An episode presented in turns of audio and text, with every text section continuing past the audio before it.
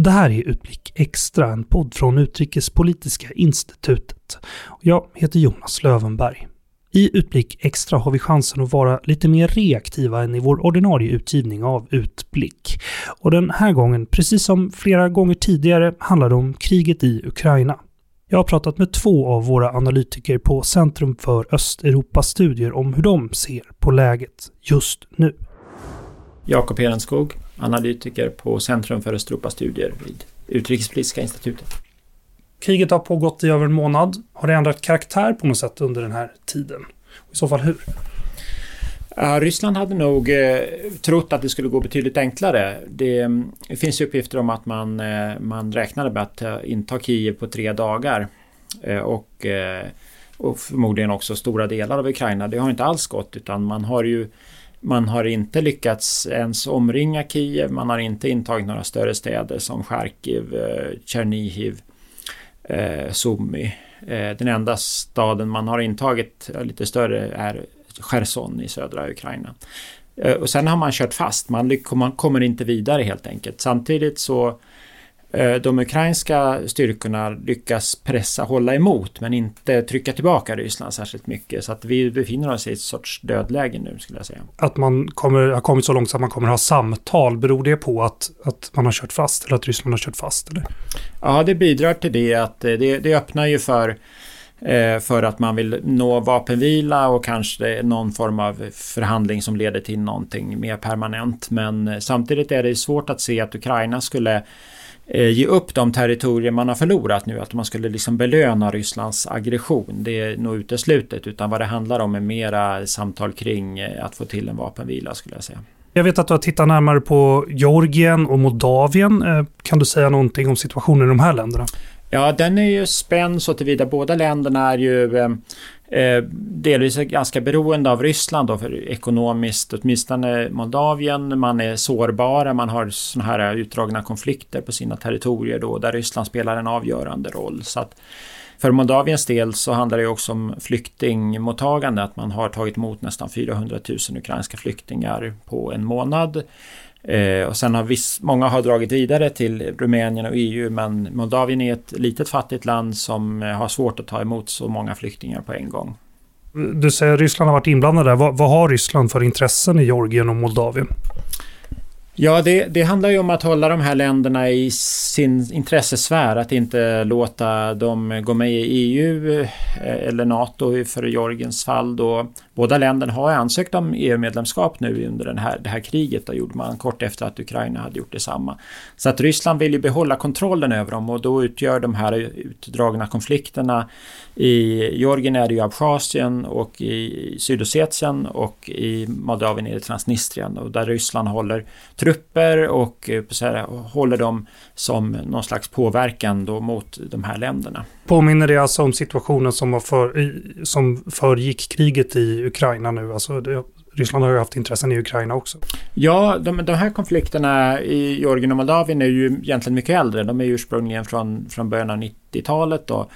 Eh, och så de har ju haft en frusen karaktär men men eh, i, i, i Georgien så blossade ju kriget upp då 2008 och sen, sen så erkände då Ryssland de här så kallade separatistrepublikerna som självständiga stater. Och, och, på det sättet, det finns en parallell då med hur man agerade här innan kriget, det, det, senaste anfallet mot Ukraina då i februari. Alltså när man erkände de här så kallade folkrepublikerna Donetsk och Luhansk i östra Ukraina. Hur påverkar den här situationen det politiska läget internt i Georgien och Moldavien?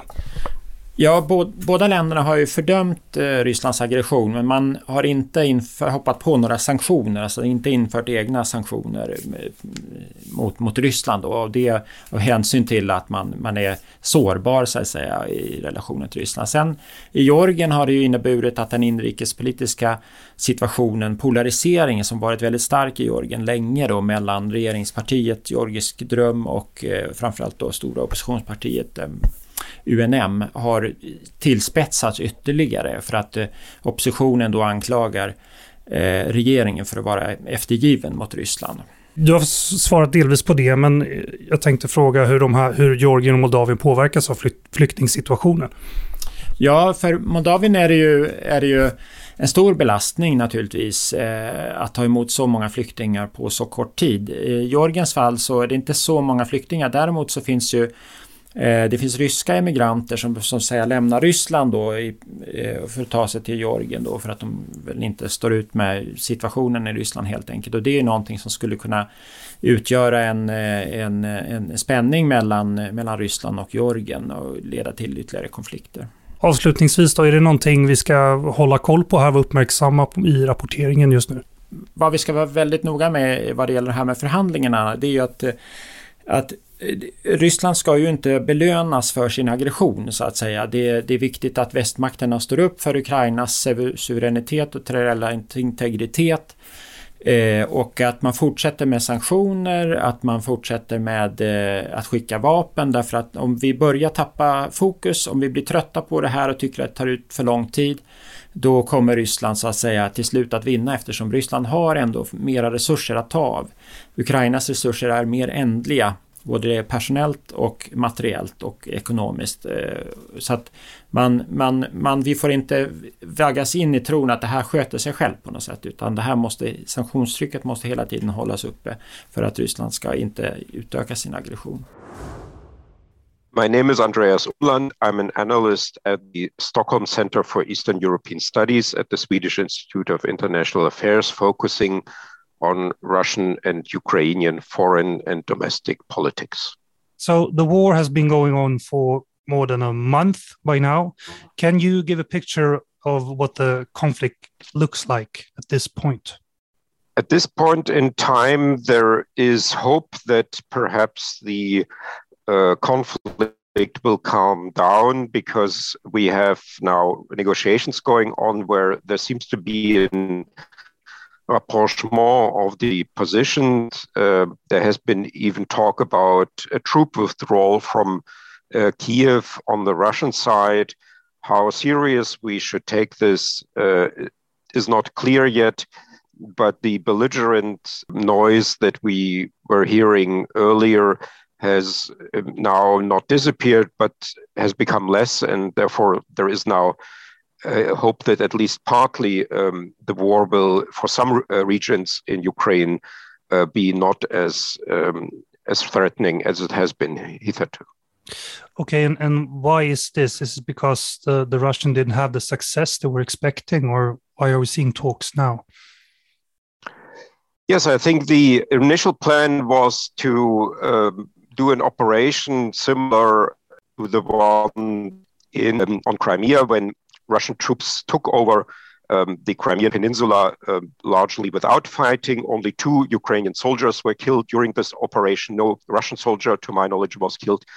And um, the expectation was that um, maybe not something as easy as with Crimea, but something um, also easy would happen to Ukraine, that basically Russia would uh, change the leadership in Kiev and then um, install somebody in Kiev uh, who would then have uh, implement a pro-Russian policy. Uh, basically, uh, Ukraine would become a, a sort of new colony of, of, of, Russia. This has all not worked out, and um, there has have been actually quite substantial losses uh, uh, for Russia, and also um, far more serious sanctions have been imposed um, now by um, the West uh, than in 2014 in connection with the annexation of Crimea. So this has turned out to be a very different situation than um, in 2014. And for that reason, now it seems that Russia is scaling down its ambitions um, for, for Ukraine. This week, Turkey hosts talks between Ukraine and Russia, as you mentioned before. What are your thoughts on those meetings? It's difficult to say the um, the oral or written statements that uh, Russian representatives been making over the last uh, basically year have uh, largely turned out to be uh, untrue, misleading, manipulative uh, meetings that and, and talks that have happened over the last year uh, have not led to peace for the Ukrainian side, at the current situation, it is important to uh, keep this contact with the Russian side um, working so that um, basically Ukraine does not miss the moment when um, Russia will be ready to uh, make concessions, compromises, and when perhaps uh, there will be the chance to at least achieve a, ceasefire and then perhaps even a longer term uh, agreement uh, and then to um, to end the conflict. And you, you're in Germany right now, aren't you? Yes, I'm in Germany. Uh, I was by accident outside Ukraine. Uh, I live normally in Ukraine. Right. Yeah. Uh, and uh, that's why I'm now stuck in Germany. And so, what are the topics for discussion about the war in, in Germany then? Because you are also a German speaker, aren't you? Yes. Um, there are two um, topics that are discussed here very much. Uh, the first one is uh, the delivery of German weapons to um, Ukraine. Um, that was something uh, that until a month ago it seemed uh, not possible. Germany has an older policy of not exporting weapons into conflict zones, not always observed, but applied to um, the Russian Ukrainian conflict. But once the war then started, um, uh, Germany actually start, also started to deliver uh, defensive weapons uh, to Ukraine. And now the, the question here is to which degree, uh, to which uh, which amounts, and also what kind of weapons uh, Germany should um, provide for Ukraine. That is a big discussion, and there are some some people who say we should only de deliver limited amount of map- weapons, only defensive weapons, only smaller weapons. And there is a growing camp saying we should uh, deliver also larger amounts of weapons, heavier weapons, also offensive weapons. That is one um, debate that is currently raging in Germany. However, the more important one, I would say, is even what the future sanctions that Germany can impose on Russia should and could be. And here the central issue is the limitation or even the uh, abortion of uh, imports of uh, Russian uh, energy, um, namely of gas, oil, and coal. And um, currently, the situation is such that Germany basically is trying to to reduce Russian uh, imports from Russia and has already actually during the last month um, to a not insignificant degree cut uh, its imports from Russia, imports of gas, oil, and coal. Uh, but it uh, will only further reduce this import to the degree that Germany can find substitution, uh, other uh, exporters of oil, coal, and gas that can deliver um, the lost amounts to Germany. That is the current position. And there is also a growing camp, I would say, in Germany that is saying we need to impose a full embargo already now. We cannot wait until we have found a full substitution of this Russian import we need to end the war now, and that's why we should um, uh, stop all all of these imports. And uh, even if that is going to be costly for Germany, um, it may mean problems for certain companies that rely on the, especially on on the Russian gas. Uh, it could lead to unemployment, to inflation, to higher energy prices. But that we need to do that uh, in order to stop the war okay is this and is this uh, a public opinion or, or in this uh, is this opinion by politicians uh, and experts?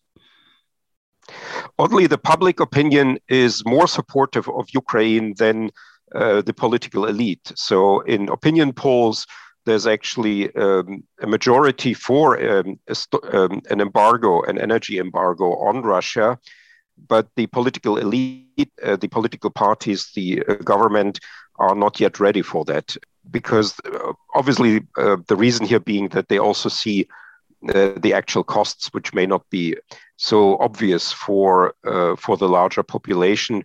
And that's why there's currently this policy of looking for as much as possible substitution of the Russian import and and then um, only reducing to the degree that the import can be re- can be replaced. But there's now another issue emerging here in that Putin has demanded that Russian energy exports to countries like Germany uh, should be paid in rubles. He's doing this for fiscal reasons because he needs these rubles basically to pay for the war. And the Western countries, the G7 just ha- has made a decision that it's not accepting this demand and that um, the current contracts will be paid according to contract where euros or, do- or dollars are are listed as the currencies in which uh, these uh, imports will be uh, delivered. And now the, the question will be what happens now? Um, as there is a stalemate, um, Putin has announced this demand, uh, the West has um, rejected it. And um, there may be actually already um, a stop of deliveries if basically Russia decides that it will not further deliver uh, energy to um, to countries like Germany uh, for for euros or for dollars. This war in Ukraine has it uh, affected the national security in Germany and other Western countries like it? Yes, I think that is something that is not sufficiently discussed yet. Um, the discussion in Germany, I don't know about um, other countries that well, is largely about helping Ukraine as an act of solidarity, as an act of protecting uh, the European security order, protecting international law, protecting European values. So um, it is uh, sort of a normative conflict that um, um, uh, is seen here by many in the West, in that we have to defend the norms of uh, the liberal world order of, uh, of Europe. However, what, what does, is not yet sufficiently discussed, and I think that's one of the reasons that we don't have an energy embargo yet, is the immediate uh, meaning or immediate uh, significance that the Russian war on Ukraine has for the national security of countries like, like Germany. So, for instance, just to maybe mention three examples, the war has, has, has been conducted in the vicinity or even on the territory of nuclear power plants, of the defunct nuclear power plant of Chernobyl in northern Ukraine, and um, on the territory of the um, opera- operational um, Ukrainian nuclear power plant um, in Zaporizhia, or Enerhodar is the city where this is located. And this nuclear power plant that is working, uh, that is operational, is actually the largest nuclear power plant, not, not only in Ukraine, but in, uh, in Europe. And there was actually fighting on the territory of the uh, nuclear power plant, shooting there. Nothing happened, fortunately. Uh, but that is, of course, something that is not only of interest to the national security of, of Ukraine, but of many other countries in Europe too, including perhaps Sweden there are three more nuclear power plants that uh, could be also uh, damaged uh, by the war or by the um, repercussions of the war. Uh, one is already in the fighting zone in Mykolaiv. Two further ones are in in Western Ukraine. So that is something that should be more discussed and that should be taken more seriously. Another topic that is now also becoming more urgent, uh, literally by the day, are the refugees uh, that are arriving by the millions. Um, if the war continues, uh, we could uh, be soon at 10 million refugees, maybe 11, 12, 13 million refugees. And then the question will be, you know, who's going to take all, the, all these refugees and who's going to feed them? Um, these are often um, women with children or elderly people. The, the men uh, usually stay in Ukraine to fight, and uh, basically, often people are coming who need actually help, uh, and urgent help and also help with, with children, medical assistance, and so on. So this is also a costly uh, enterprise to host all these um, refugees adequately. And that is also something that needs to play a larger role. There may be, if the war continues and becomes wider and spreads to other countries, there, there could be refugees from Moldova, from Belarus.